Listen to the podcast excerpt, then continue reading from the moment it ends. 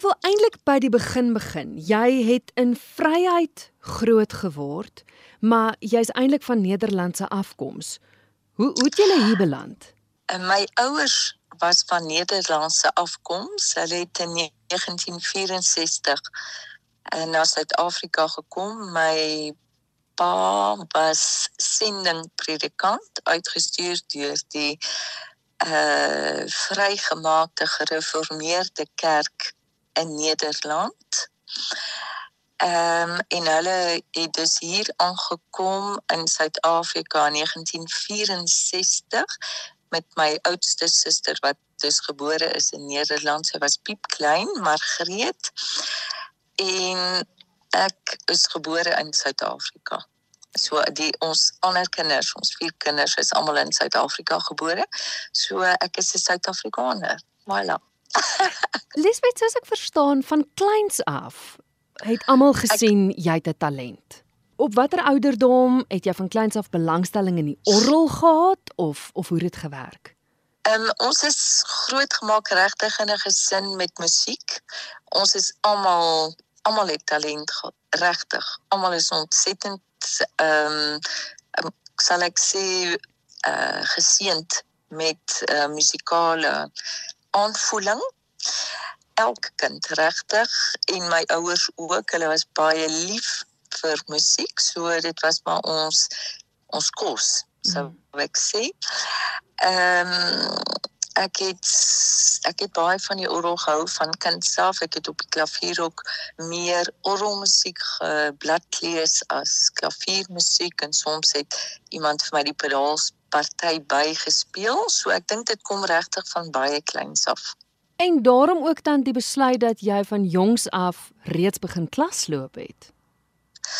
Ag, dit het maar ek dink dit het maar spontaan gebeur.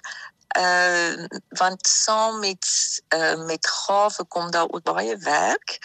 So ons was as kinders was ons was daar baie dis, dissipline in die huis uh almal moes hulle ding doen. Uh in die oggend om 6:00 die klavier begin oefen so. en om beurt het ons baklei wie begin eerste. Ehm um, so ek, ek dink daar was regtig 'n kwaliteit uh, moontlikheid om om ook te werk want dit het gawe is 'n ding en werk is die ander. So ek hoop ek nou geantwoord. Ek het die uh, uh, vraag 'n bietjie verloor. nee, ek wou weet van die feit dat jy van jongs af klas begin loop het want soos ek verstaan het ja. jy by 'n baie bekende uh, ja, orgelis. By professor Sondag. Hmm. Ja, so wat ek wou sê ons het maar van kleins af uh, hard gewerk en toe ook begin met uh kunswedstryde. So in Vryheid was daar kunswedstryde ons as kinders daaraan deelgeneem en uh toe het ek op 'n stadium die toccata en figa bekende van Bach moes speel en toe het die inspekteur uh vir my ouers gesê hierdie kind moet dalk by iemand gaan les neem buite die dorp. En toe het hy professor Sondag uh, Stefan Sondag se naam gegee. My ouers het hom gekontak en toe kon ek voor hom speel en van toe af het hy gesê dit sou goed wees dat ek een keer in in 3 maande of so 'n les by hom kan gaan neem om die basis mooi te lê. Hoe oud was jy toe? Ek dink ek was 13 ongeveer. Ja. Lisbeth, maar dis dan toe nou seker normaal dat jy toe musiek gaan studeer. Ja, ek het ek wou dit doen. Ek was baie ongeduldig om net musiek te kan doen. Vir my was skooltyd lank. Ek het regtig ehm um, ek het dit moeilik gevind om ter, ek het ook nie baie gekonsentreer dink ek in die klasse nie. Ek het gedoen wat nodig is om goed te doen, want ons moet moes goed doen en ons moes beurse kry en dit en so.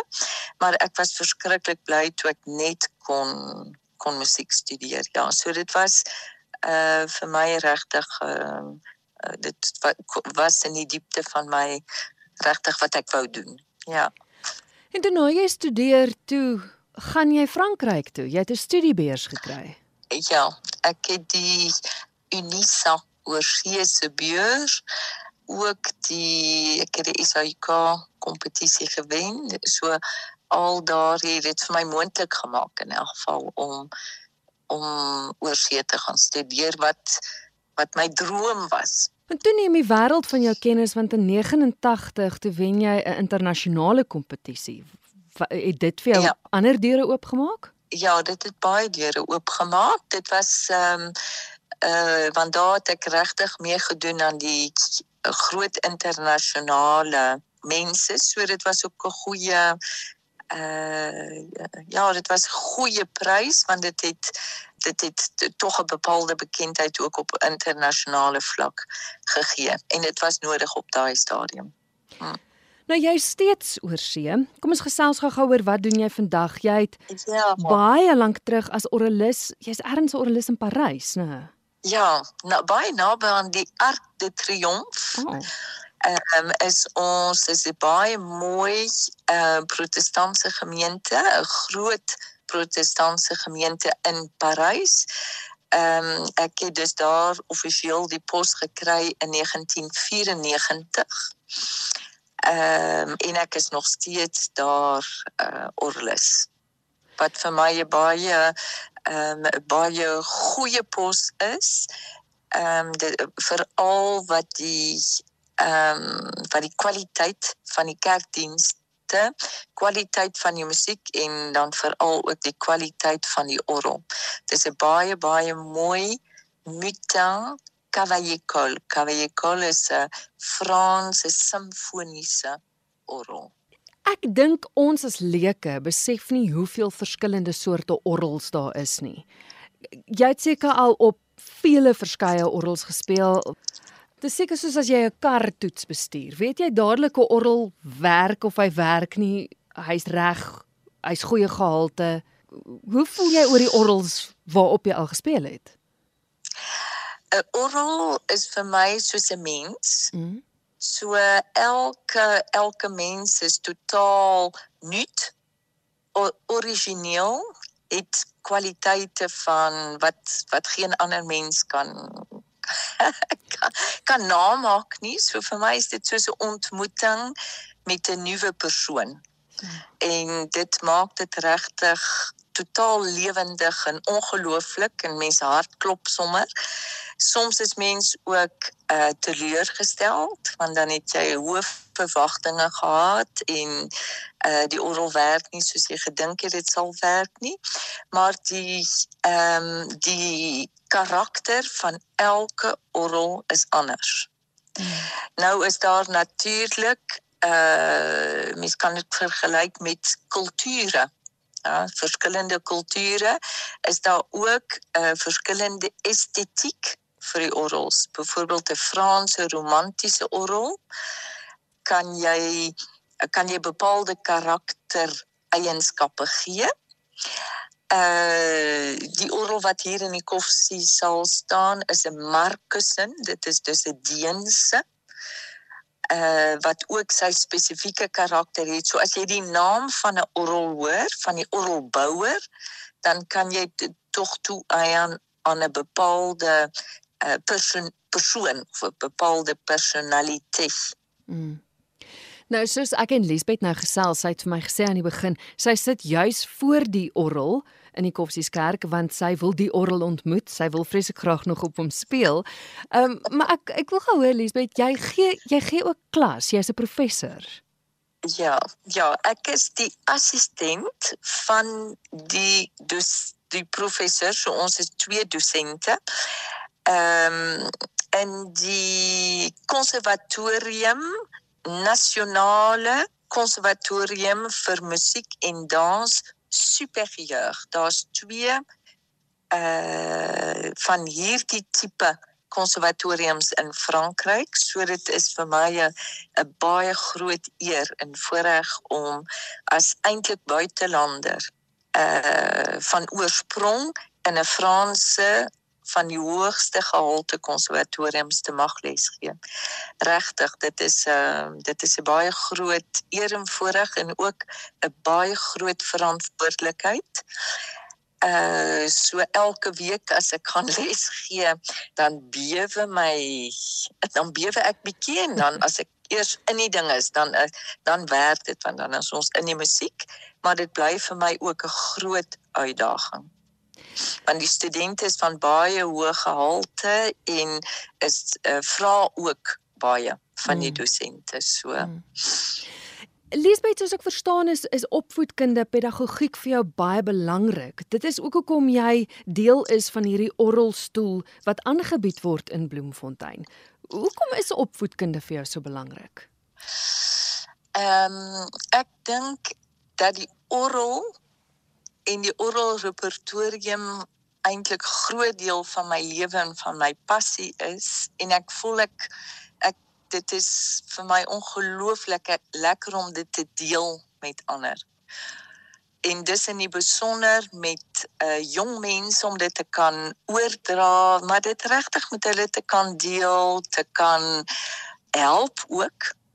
Ja, te kan inspireer. So vir my het dit maar te maak met die jong mense help om in hulle self ook hulle passie te ontdek vir hierdie wonderlike instrument. Marius Kutse wat aan stuur staan van die van die orrelstoel ja. wat wat aangebied word. Hy sê hy het jou dop gehou nou weer met die meestersklas en hy sê jy is net fenomenaal. Iets soos iets soos aanraking. Ja. Verduidelik gou vir ons as ek meen ek het nog nooit in my lewe voor 'n orrel gesit nie. Wat bedoel jy met aanraking? Hoe belangrik is dit? Ehm um, ek dink uh, die punte van 'n mens se vingers né? Die in Frans het hulle baie mooi woord. Ek weet nie hoe dit oor gaan kom in Suid-Afrikaans die pulp. Ja. So dit is die ronde gedeelte net ehm um, waarmee mens die klawers aanraak is die meeste fynsinnige sensible gedeelte van ons liggaam. So ons die aanraak het te maak met die ehm um, die kontak, die moment wat jy kontak maak met die klawer en dis ook kontak maak dan met die pyp, by die oopmaak van die pyp en dan met die klank. So vir my is aanraak wat dit dan betref regtig die direkte kontak met die klank en aanraak op op 'n meer figuurlike vlak is dit ook die aanraak deur die musiek uh enige iemand kan geraak word ja. aangeraak word ja. So die musiek is regtig vir my die vektor. Handposisie. Hoe belangrik is dit ag ek weet nie. Ek dink daar is nie handposisies. Daar daar's nie een handposisie daar's klomp handposisies. Ons almal hande wat so anders is so verskillend. Ons liggame is baie anders. Wat wat interessant is is om jou die vrae te vra. Om te kyk na handposisie voel of mens uh, of dit uh, werk of ek wat ek wil doen uh, ook die handposisie kan bereik. Anders kan mens bietjie boontoe, bietjie ondertoe, bietjie links, bietjie regs. So ek dink daar is geen vaste handposisie nie. Soms kan mens sien op die ou skilderkuns 'n uh, eh, mooi handposisie. Uh, dit hang ook van die instrumente af, maar dit is 'n uh, uh, dit is 'n belangrike komponent komponent van ons werk. Dit is seker om daarna daan aandag te gee en dit ook te bestudeer. Ja. Hmm. Dit is my ongelooflik om orreliste dop te hou want dis een van die min instrumente dink ek waar jy met jou hele lyf moet speel om musiek voor te bring. Ek meen as mens dink nie dis nie net die hande nie, dis die voete ook. Is dit 'n ja. moeilike instrument? Ek dink wat die koördinasie aan betref, ehm um, dis soos hulle sê, is dit uh, ontwikkel dit baie die koördinasie vermoë van 'n uh, uh, van 'n instrumentalis. Die die idee is nogtans dat mens dit as 'n een eenheid sien. Ja. Uh, of jy nou met jou voete speel of met jou hande, dit dit dit moet dieselfde klankeffek, dieselfde uh velociteit, dieselfde uh spoed uh dieselfde mak die maklike manier van doen. So ek dink eintlik wat in elk geval wat vir my dink ek baie belangrik is is die kwaliteit van die pedaalspel. Ek voel baie dikwels dat ons te vinnig leer om alles bymekaar te sit. So nou ook weer met die studente het ons baie aandag gegee aan die baslyn, die baslyn wat dikwels deur die voete uh gedoen word want dit is ehm um, dit is baie belangrik dat dit die beste kwaliteit is. Mm. Beste kwaliteit baslyn dan is jy reg. Mm. Ek wil gou praat oor improvisasie want dit voel vir my 'n orrel en improvisasie ek wil nie sê gaan hand aan hand nie, maar dis een van die min instrumente waaroor ek al gesels het waar waarby geïmproviseer word. Verstaan ek dit verkeerd of of is dit dat 'n orrel en improvisasie saamgaan? Ja, ek dink daar's 'n tradisie. Daar's 'n tradisie van improvisasie op die orrel. Improvisasie uh, was die uh fundamentale manier van speel uh tot in die 16de eeu. Daar's baie min bladmusiek wat ons het voor die 16de eeu met Jan Pietersen Sweeling, met Jean Titelouze. Ehm um, so ek dink die improvisasie uh op die orgel is deur die eeue heen as tradisie beoefen. Ek dink is baie belangrik om te besef dat improvisasie in daardie tyd was soos komposisie. Dit was nie jy speel uit jou kop of so, dit was regtig 'n baie fyn beoefende kuns. So ek dink daar is improvisante of mense wat improviseer en wat regtig professioneel te doen en dan word dit regtig 'n beroep mm. as jy improviseer. Jy kan dit ook bietjie by doen, maar ek dink dit is 'n beroep op sy eie. Of jy improviseer of jy interpreteer of jy doen nie beide. Soms is daar ook ehm um, mense wat dit reg kry op dieselfde vlak, maar baie dikwels is dit die een of die ander wat regtig bo die ander uitstyg. So um, improvisasie ja, dit maak deel uit van die pakket vir die oraliste dat ons dit beoefen, dat ons dit goed doen is 'n tweede saak. so ek, wat ek net wil sê, improvisasie is nie net bietjie, jy weet, speel wat jy dink en dit klink goed en so aan nie. Dit is regtig 'n kuns, 'n kuns wat baie hard op voorgewerk moet word en baie goed beoefen moet word. Mm. Anders moet mense dit liewer nie doen nie. Mm. Lisbeth, ek het met baie musikante al gesels op my program. En ek het agtergekom dat dikwels was dit of die keuse om om ernstige beroep te maak daarvan of om 'n gesinslewe te kies. En ek haal my hoed vir jou af want jy is een van die min wat beide kon doen. Wat soveel kon bereik het in die orrelwêreld, maar ook 'n gesin gehad het. Was dit uitdagend? Ja, dit was uitdagend. Ek moet sê ek het ook ehm uh, 'n baie begripvolle man. My man is baie begripvol en ek dink nie elke man sou hanteer dit wat hy hanteer het nie. Goed, ek moet sê ons al twee ons kant gebring want ek bedoel ehm um, ek ek het nie alleen my kinders groot gemaak nie. Ons was saam. Dit was regte spanwerk. As die een by die huis was, was die ander een weg op reis. So ons het ons het kon werk. Ons kinders was gesond, is steeds gesond. Dit maak 'n geweldige verskil. Uh ek dink uh mens of ons het geleer, ek het baie geleer om aan te pas.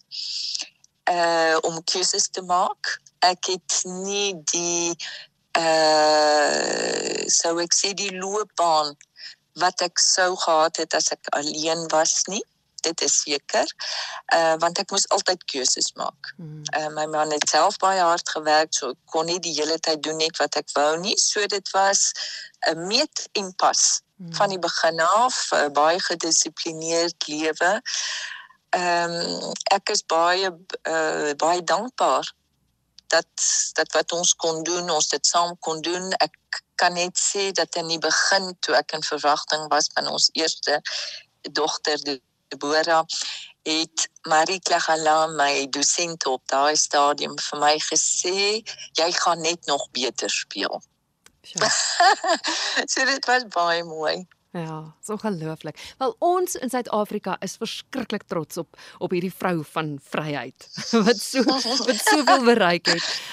Drome. Is daar is daar iets nog wat jy wat jy graag wil doen? Ehm uh, wat ek graag wil doen, ek sê nou op hierdie stadium is ek verskriklik bly om miskien meer te reis en ook op 'n uh op 'n uh, op 'n bepaalde vlak ook in my lewe kom dat ek uh besef uh wat mens kan wat wat mens kan gee en wat mens kan deel. Ek wil verskriklik graag werk aan die opbou van kerkmusiek, van musiek in kerke. Graag ook les gee daar waar daar droogte is of waar daar regtig nood is of waar ehm um, so dis nie noodwendig net ehm um, my werk doen van elke dag maar ook, ook kyk waar is daar waar is daar regtig hulp nodig. So dit is vir my baie besonder om uh ook uit my land wat nou Frankryk is te kan gaan en uh te kan doseer of dit nou is in in Asië of in Afrika of waar ook al.